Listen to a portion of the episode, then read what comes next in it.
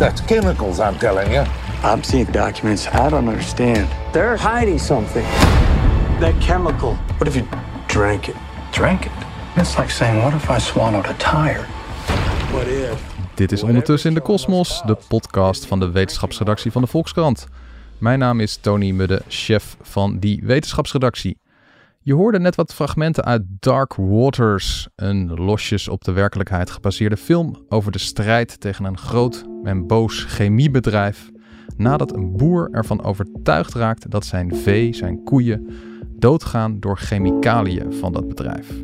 Nou, mijn collega, wetenschapsredacteur George van Hal, die zag die film ook en die schrok zich een hoedje. Zo erg dat hij samen met zijn echtgenote direct zijn pannen bij het afval zette, omdat daar precies hetzelfde enge goedje in zit als uit die film. Namelijk in de anti-aanbaklaag. Eh, George, eh, help ons even. Dark Waters, wat is dat voor film? Ja, dat is een, eh, ja, het is een, een, een beetje een, een typische um, Hollywood thriller.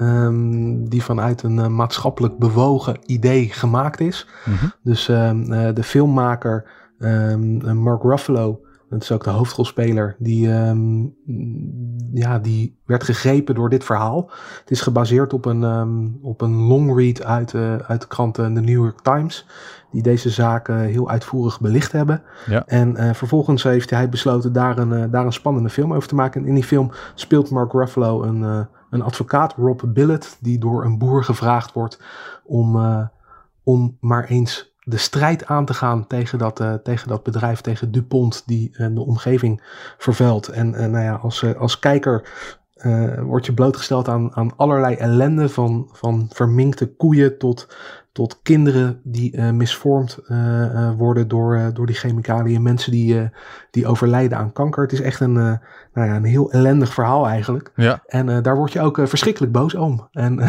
dat werden wij ook op de, op de bank.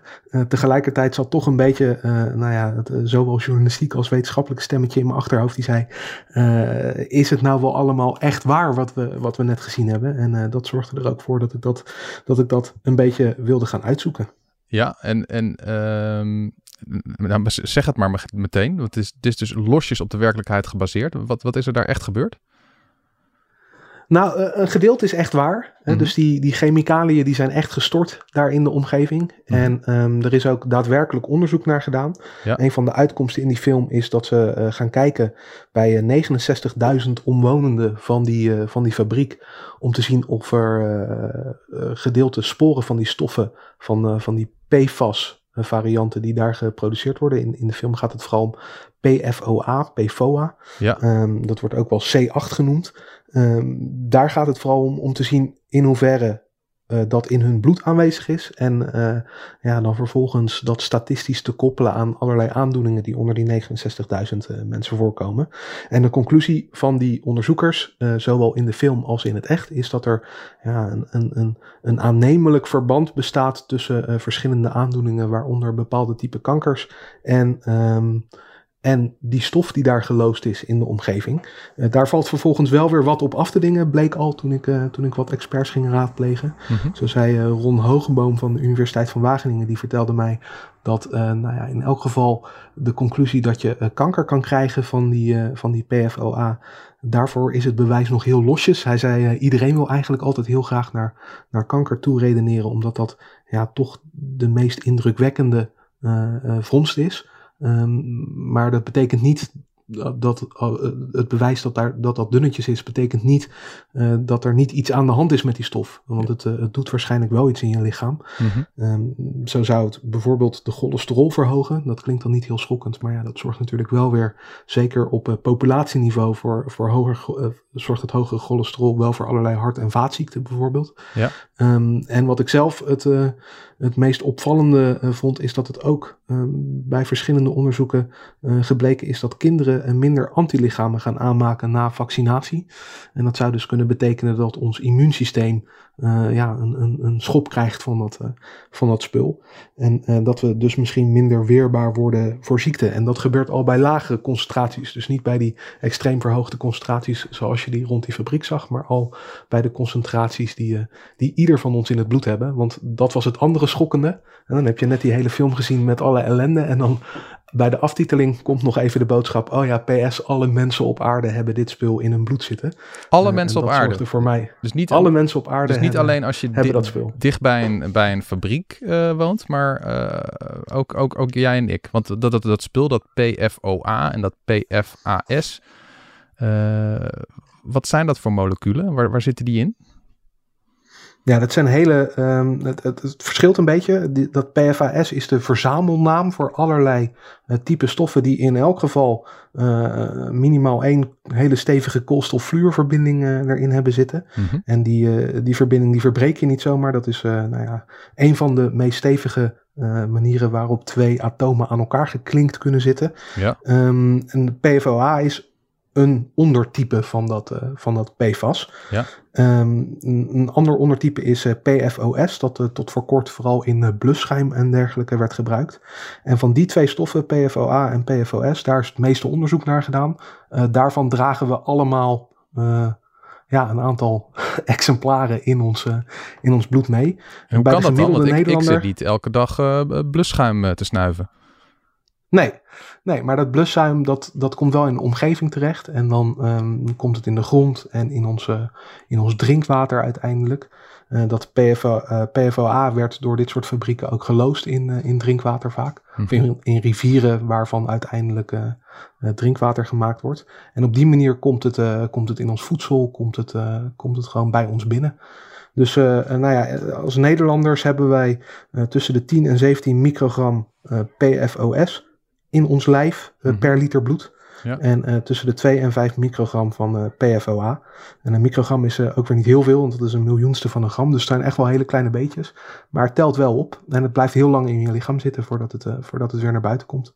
En het zit dus behalve in blusschuim, als ik het goed begrepen heb, zit het ook bijvoorbeeld in de anti-aanbaklaag en in regenafstoot of regenkleding. Uh, ja, nou ja, Omdat het supergoed waterafstotend is en dat het is heel stevig. Het heeft allerlei voordelen ook, uh, zo'n molecuul, toch? Ja. Nou ja, die, die moleculen, ehm, dat PFAS waar het hier om gaat, eh, of dat PFAS is de overkoepelende soort. Mhm. Dat PFOA werd tot eh, een aantal jaar geleden, tegenwoordig is het eh, eh, voor dat gebruik verboden, eh, werd het gebruikt om, om bijvoorbeeld eh, teflon voor in eh, pannen te fabriceren. Dat teflon zelf is dan wel weer een andere chemische verbinding dan, eh, dan dat PFOA. Maar Mhm. dat heb je nodig om het te maken. En eh, daarna is het over en wordt het dus geloosd. Ehm, dat is iets waar die eh, film ook eigenlijk iets losjes mee omsprong. Want er zit zo'n scène in waarin, waarin deze advocaat zelf ook besluit die pannen maar eens de deur uit te doen. Ehm, Ja. En dan zwaaiend met een pan in zijn hand roept hij ook... eh, ik kan me het letterlijk citaat niet helemaal herinneren, maar hij roept iets als: eh, ja, ze, ze proberen ons allemaal te vergiftigen. En eh, dat is ook het gevoel dat je krijgt als je die film kijkt. Ehm, dat is niet zo. Bleek al vrij snel toen ik eens ging, ging nazoeken wat, wat Teflon eigenlijk chemisch precies is. Mhm. Want dat, ehm, dat PFOA wordt dus alleen gebruikt om het te maken. Op het moment dat je die pan in je bezit hebt, is het kwaad dus eigenlijk al geschied. Dan is dat PFOA al gebruikt en eh, vervolgens ergens geloosd. Ehm, maar die pan zelf is vervolgens nou ja, redelijk veilig. Ehm, zoals eh, eh, een van de andere experts die ik gesproken had, Jacob de Boer van de Vrije Universiteit, die zei tegen mij: Je kunt er echt nog wel gewoon veilig een eitje in bakken. Je hoeft je niet zorgen te maken. Uh, maar het is wel zo dat als je dat soort pannen gaat verhitten, um, tot uh, echt wel flinke, flinke hoeveelheden, dan um, gebeurt er weer iets met die teflonlaag. Dan uh, gaat die weer chemisch uit elkaar vallen. En dan komen er monomeren vrij die schadelijk kunnen zijn. Die kunnen nou ja, hoofdpijn en griepachtige verschijnselen veroorzaken bij mensen. Maar als je per ongeluk een, een vogelkooitje in je keuken hebt staan, dan kan het vogeltje letterlijk direct van zijn stokje vallen op het moment dat die, dat die pan droog op het vuur staat zonder er iets in of dat die te heet gebruikt wordt. Nou is dat meestal wel zo dat je daarvoor zo heet moet stoken dat de normale oliën en boters die je in de pan kunt hebben, staan tegen die tijd al heftig te roken. Dus bij normaal gebruik uh, zou dat niet zo snel gebeuren. En dat is ook de reden dat, dat dit soort pannen wel gewoon op de markt mogen verschijnen. Dat, dat het niet, niet van de markt gehaald wordt.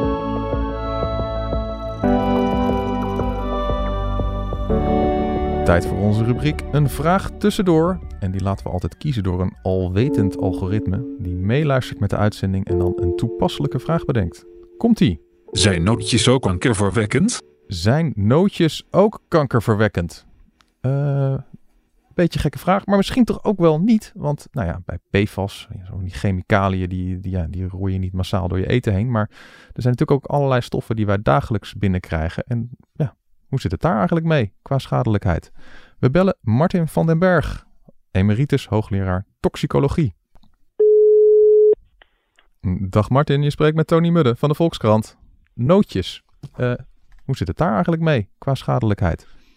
Ja, uh, je krijgt in noten, uh, krijg je onder invloed van een schimmel, aspergillus, krijg je aflatoxines. En aflatoxines? Nou ja, oké. Okay. Aflatoxines, ja. ja. En nou zijn er uh, weinig stoffen waarvan direct bij de mens bewezen is dat ze kankerverwekkend zijn. Vaak gebruiken we proefdieronderzoek ervoor. Hè. Uh, maar die aflatoxines, dat is nou toevallig een van die groepen uh, chemicaliën waarvan we bij de mens ook weten dat ze kankerverwekkend zijn. En uh, dat komt met name uit Afrika, het onderzoek, waar echt veel noten gegeten worden. En je krijgt er leverkanker van. Van nootjes, gewoon alle nootjes? Nou, uh, kijk, eigenlijk is het een soort vervuiling van nootjes. Hè? Want het is een schimmel die gaat groeien op uh, nootjes als ze bijvoorbeeld oud zijn. Mm -hmm. En die schimmel die produceert die aflatoxines. En van die aflatoxines weten we precies hoe de schade in de lever ontstaat. Op een gegeven ogenblik gaat je lever het omzetten in een, een stofwisselingsproduct. En dat stofwisselingsproduct dat kan sterk binden aan het DNA. Mm -hmm. En dat kan uiteindelijk tot gevolg hebben dat die cellen gaan delen. En dan krijg je een tumor. En dat gebeurt dus in je lever. En je ziet dat zowel bij mensen gebeuren als bij uh, bijvoorbeeld ratten en muizen. Oh mijn god, bij, ik, ik eet uh, uh, in het weekend zo een schaaltje pinda's leeg. Moet ik me dan zorgen maken of niet? Nee hoor, want de dosis maakt het gif in dit geval. En er is behoorlijk uitgebreid onderzoek gedaan door bijvoorbeeld de EFSA, hè, dat is de Europese Voedsel- en Warenautoriteit. En die hebben gekeken wat is nou de consumptie van noten. overigens zitten die aflatoxines ook in granen en in exotische kruiden. Maar mm -hmm. noten zijn heel belangrijk. Ja. En dan zie je eigenlijk dat in Europa er een risico is op het krijgen van zo'n maagkanker ergens in de buurt van die tussen de 1 op een miljoen mensen tot 1 op de 100.000 mensen. Mm -hmm. Zoals je het gemiddeld notengebruik in Europa ziet. Het wordt heel anders als je naar Afrika gaat kijken. Daar uh, wordt 10 tot 100 keer zoveel aan uh, notenproducten gegeten. En is de opname ook veel hoger. En daarom zie je daar wel bijvoorbeeld tussen de, nou bij van spreken 1 op 1000 tot 1 op 10.000 uh, consumenten die het risico lopen op het krijgen van een leverkanker. Maar in Europa denk ik dat we ons daar geen enkele zorgen om hoeven te maken, ook niet in Nederland. Tenzij we met z'n allen zouden besluiten om gemiddeld meer dan 10 tot 100 keer meer nootjes te eten. Of notenproducten. Ja, precies. En, en nou, nou zijn mijn scheikundeleraar ooit, en jij zei het net ook al van, de dosis maakt het gif. Dus het is, eigenlijk is het zo dat in principe is alles giftig uh, als je er maar heel veel van binnenkrijgt. Werkt het zo? Uh, ja, in principe wel. Uh, je kan mensen ook op een gegeven ogenblik laten overlijden door te veel zout. terwijl een klein beetje zout juist goed is. -huh. Dus inderdaad, die dosis maakt het gif. Maar daar zijn verschillen. Je hebt stoffen uh, die hebben eigenlijk een soort drempelwaarde. En dat betekent als je blootstelling onder die drempelwaarde is, dan gebeurt er eigenlijk helemaal niks. Mm -hmm. Maar juist voor stoffen zoals aflatoxines, die dan via het DNA-schade de tumor veroorzaken, dan kan je dat niet via een drempelwaarde doen, omdat er theoretisch gezien misschien niet echt een drempel is. En dan reken je uit, bijvoorbeeld 1 op de 100.000 mensen uh, die mag een tumor krijgen daarvan. En dat noemen we dan in de regelgeving een verwaarloosbaar risico. Ja, ja. Nou, voor, voor die aflatoxines is dat laatste het geval. En wordt er dus een berekening gemaakt. Uh, vaak ook op grond van proefdierexperimenten en allerlei statistische modellen. En ja, je zit dus over het algemeen beneden in Europa die 1 op 100.000. Uh, ik denk dat het tussen de 1 op 100.000 en 1 op de miljoen zit. Uh, voor notenproducten en de aflatoxines die daarop voor kunnen komen. Nou, daarnaast is het ook zo dat je eigenlijk hele scherpe controle hebt. Want we weten dat deze stoffen schadelijk zijn. Dus de producenten van uh, nou, zeg maar noodproducten, die zijn verplicht om te controleren hoeveel aflatoxines erin zitten. En daar zijn strenge normen voor. Dat moet onder de miljoenste grammen per kilogram uh, noodproduct zijn. En dat geldt ook voor allerlei exotische kruiden. Maar daar moeten we toch iets voorzichtiger mee zijn. Want met name uit Azië komen allerlei exotische kruiden die minder goed getest worden. En als die kruiden oud zijn en die schimmel kan erop groeien, dan zou het niet ondenkbeeldig zijn dat daar juist meer van die aflatoxines op voorkomen.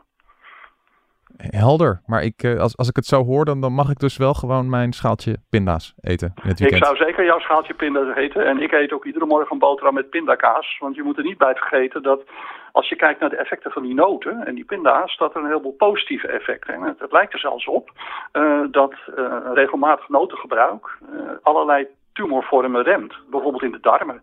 Uh, en, en, dat is niet gering. En daarnaast heb je allerlei gunstige oliën die erin zitten... die ook voor hart- en vaatziekten uh, zeg maar een remmende werking hebben. Dus ah, eigenlijk zou ja, ja. je voor- en nadeel af moeten wegen. Ja. En wat mij betreft, zoals de Nederlander of de Europeaan uh, noten eet... zijn de voordelen groter dan de nadelen. Helder verhaal. Hart, hartelijk dank, Martin van den Berg, emeritus hoogleraar toxicologie.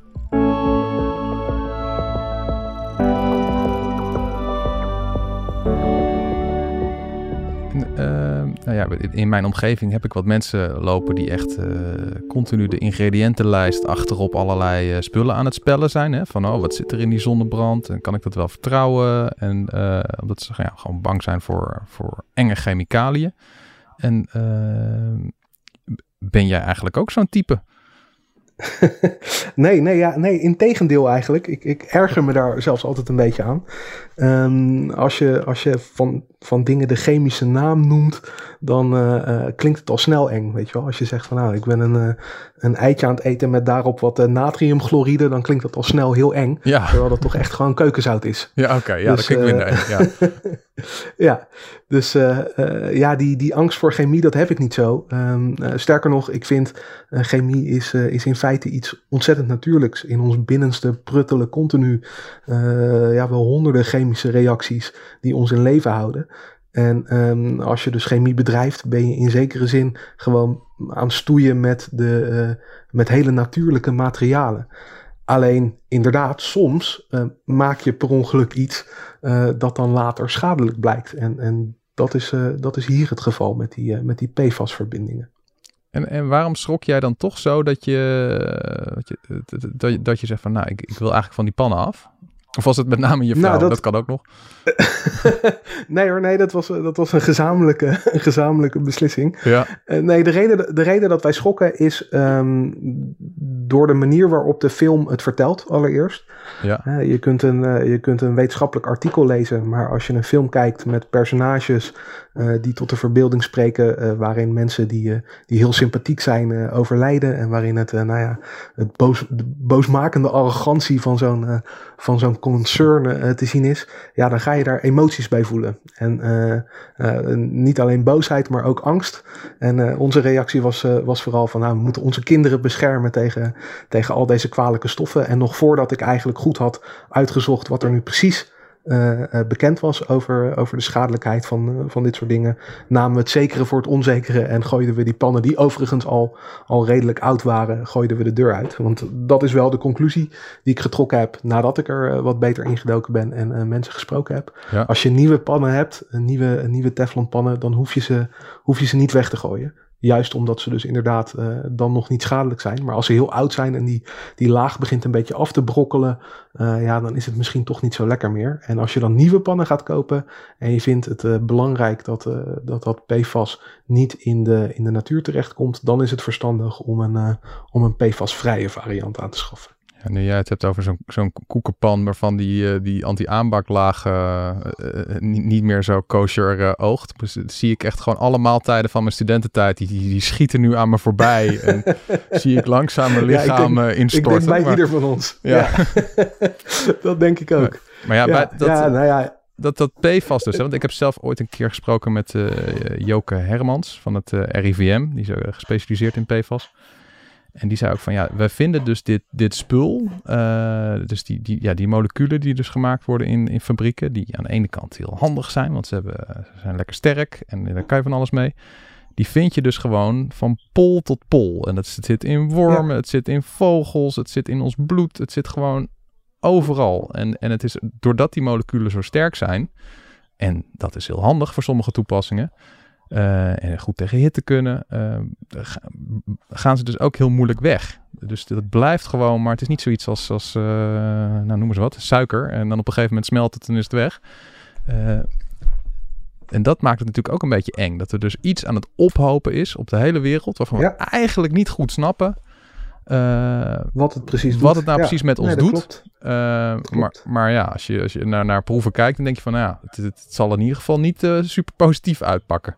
Als je dit in grote hoeveelheden nee. blijft verspreiden.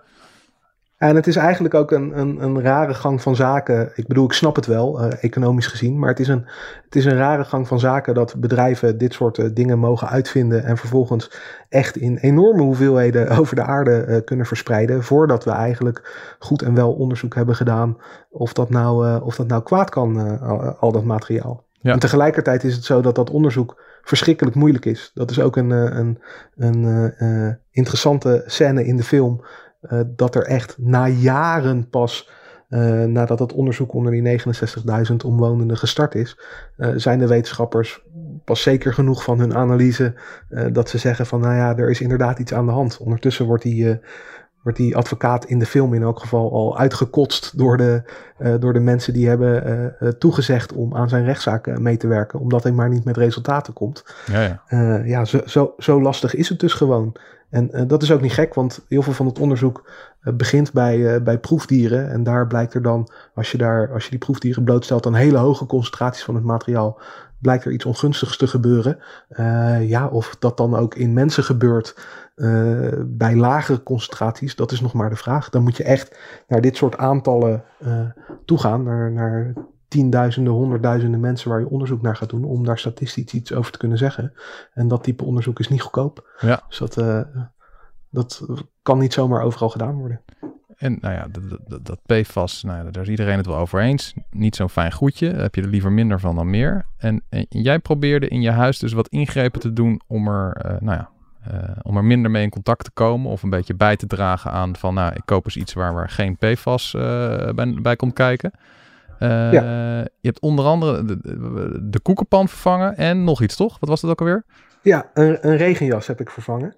En uh, uh, daar heb ik de, de, de leukste test mee gedaan. En vooral leuk voor de mensen die, er, die die test mochten uitvoeren. Misschien wat minder voor mezelf. Ja. die regenjas, daar is de waterdichte coating dan vervangen. Um, de bekendste variant daarvan is, uh, is Gore-Tex. Dat is zo'n uh, zo'n goedje, dat zie je wel vaker staan op, op handschoenen en op regenjassen. Ja. Uh, dat wordt dus met, met PFAS geproduceerd, net als, net als Teflon. En, Oftewel, um, iedereen op de skipiste soort, heeft, doet daaraan mee. Ja, precies. Ja, precies. Ja, oké. Okay. ja. Um, en ik heb dus een, een variant gekocht, een regenjas die dan ja, een PFAS-vrije waterdichte coating uh, had. En ik was benieuwd, werkt dat dan net zo goed? Uh, nou ja, het was, het was zomer. Uh, het regende niet zo heel veel. Dus de manier om dat te doen was om iemand mij in mijn eigen tuin met mijn eigen tuinslang een half uur lang te laten besproeien met een half uur ijskoud water. Ja, ja. Okay. ja, want we waren ondertussen ook foto's aan het maken voorbij het artikel. Ja. Um, dus was zo'n half uur niet alleen als, als proef, maar ook voor, voor de fotoshoot was dat, was dat wel zo handig. Ja. Alleen waar ik van tevoren geen rekening mee had gehouden, was dat het misschien dan ook handig was geweest om een, om een regenbroek aan te schaffen. Dus uh, ik was, aan de onderkant was ik volkomen doorweekt, maar aan de bovenkant was ik nog, was ik nog redelijk droog. Oké, okay, dus het, het, werkte, de PFAS-vrije regenjas. Het werkt, ja. maar, dat George, wie zegt dan dat in die PFAS-vrije regenjas dat daar niet ook weer een of ander stofje in zit waarvan uh, je oren drie keer zo groot worden en, uh, en er misvormde kinderen komen later? nee, dat is altijd een hele goede vraag. En um, uh, dat, dat zegt niemand natuurlijk. Dat kun, je, dat kun je niet bewijzen tenzij je de complete ingrediëntenlijst van die nieuwe waterdichte coating erbij pakt. En die element voor element gaat doorpluizen. Hm. En zo geldt dat natuurlijk voor meer dingen. Dus je moet het ook wel eh, in perspectief zien, die, ehm, die pogingen om dat PFAS eh, te verminderen. Tegelijkertijd bestaan er meer dan 6000 van dit soort verbindingen. Ja. En ze worden op behoorlijk grote schaal door de industrie geproduceerd. En eh, ja, dit is een stofje waarvan dan al onder, waarnaar dan al onderzoek is gedaan. Of een stofsoort waarnaar al onderzoek is gedaan. En waarvan we met redelijke zekerheid kunnen zeggen eh, dat er in elk geval iets mee aan de hand is. Wat dan de effecten precies zijn, dat is nog wel lastig. Bij Maar PFAS bedoel je, is dat om, daar eh, iets mee aan de hand is? Ja, ja, PFAS. ja. ja. Niet je, niet je Dus- nieuwe regenjas. Nee, nee, nee, nee, Nee. nee, nee. Dus, dus dat het loont om in elk geval die PFAS te proberen te bestrijden. Maar ja, goed, ehm, net zozeer eh, kun je, eh, als je vervolgens overstapt op stalen pannen en die gebruik je niet handig, ja, misschien bakt dan vervolgens eh, je vlees daar altijd wel in aan. En eh, heb, je, eh, heb je daar altijd een kankerverwekkend eh, koollaagje op zitten. Ja, dat is ook natuurlijk niet heel gezond. Dus het is allemaal wel ja, je moet het wel in perspectief blijven zien. Je Ja, moet ja, er niet je, je enige levensmissie van maken, denk ik, om, eh, om PFAS eh, zoveel mogelijk te verminderen. Ja, precies. Overigens Ik denk aan mensen die dan, eh, ik- die dan zeggen van, nou ja, de zonnebrand, er zitten allemaal enge dingen in. Ik doe het gewoon niet hoor. En dan gaan ze vervolgens verbranden en dan kan je, kan je natuurlijk Ja. ook kanker van krijgen. Ja, nee, precies. Ja, Ja. dat is ook niet zo handig. Maar. Overigens schreef ik over die, eh, over die stalen pannen. En eh, daar kreeg ik wel wat mailtjes eh, van stalen pannen fans. Ja, Het was eigenlijk een soort weg, wegwerpzinnetje in mijn, in mijn artikel. Dat een van die onderzoekers die zei van ja, ik heb thuis stalen pannen. Alleen is het moeilijk om daar een fatsoenlijk een eitje in te bakken. En ehm, de stalen pannen fans die ik in mijn, in mijn mail kreeg, die vertelden me dat die dan zijn stalen pannen waarschijnlijk niet goed gebruikten. Want je kunt daar een soort anti-aanbaklaagje in maken door ehm, olie iets van tien keer te verhitten en te laten inbranden. En dan kun je eh, vervolgens eh, kun je daar ook redelijk veilig eh, mee koken, heb ik begrepen. Of dat, of dat aangebrande laagje olie dan vervolgens heel gezond is, dat heb ik overigens niet uitgezocht. Ik kan me voorstellen dat daar ook nog wel, ook nog wel iets mee aan de hand is. Maar in elk geval, als je graag wil, kun je dus ook met stalen pannen veilig een eitje bakken dat niet aan je pan blijft kleven. nou, Bij deze. zal, ik, zal ik jou wat bekennen, George?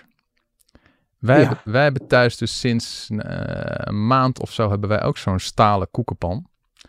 Die we dus eh, inderdaad, eh, mijn vriendin dus eerst met zo'n laag olie erin en helemaal verhitten om dat laagje te creëren en zo. Nou ja, oké, je kan er prima in bakken.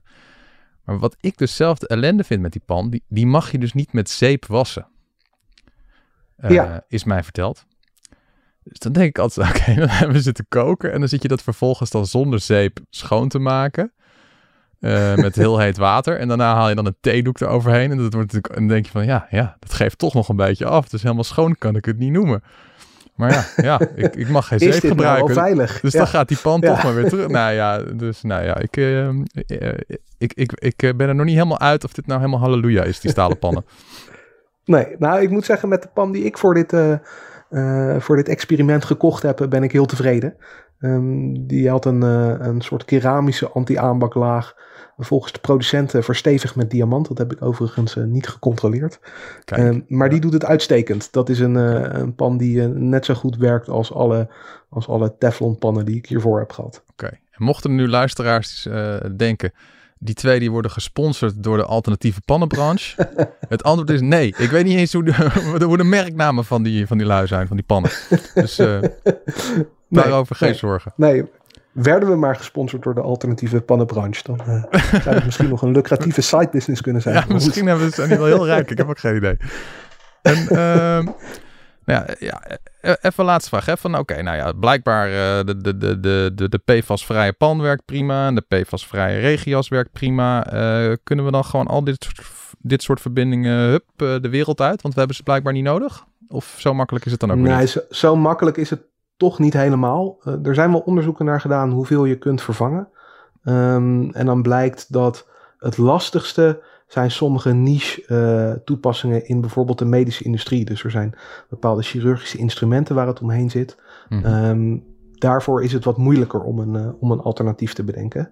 Maar voor de meeste toepassingen, heb ik me laten vertellen althans, is het mogelijk om, om alternatieven te bedenken die bijna tot gewoon net zo goed werken als, eh, als de oorspronkelijke PFAS-varianten. Oké, we eindigen met eh, de moedige boodschap op naar een PFAS-vrije wereld. Precies. Dit was Ondertussen in de Kosmos, de podcast van de wetenschapsredactie van de Volkskrant. Grote dank aan mijn gasten van vandaag, George van Hal, wetenschapsredacteur die zijn PFAS-producten het huis uitgooide, en Martin van den Berg, emeritus hoogleraar toxicologie. Ook grote dank voor het team achter de schermen van deze podcast. Dat is Daan Hofstee, onze geluidstechnicus, en Corinne van Duin, drijvende kracht achter alle Volkskrant podcasts. Heeft de Volkskrant er nog meer dan? Jazeker. Kijk maar eens op volkskrant.nl slash podcast. Wil je de volgende aflevering van Ondertussen in de Kosmos niet missen? Abonneer je dan op Ondertussen in de Kosmos op je favoriete podcast app. Een vriendelijke recensie achterlaten is ook altijd leuk. Graag tot een volgende keer met weer een geheel nieuw onderwerp.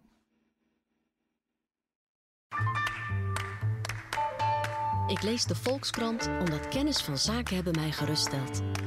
En ik mij daardoor sterker in mijn schoenen volstaan. Eigenlijk zou iedereen de Volkskrant moeten lezen. Gun jezelf ook de Volkskrant. Ga meteen naar volkskrant.nl slash nu. En lees de krant tot wel acht weken voor maar 4 euro. Stopt vanzelf volgens de actievoorwaarden.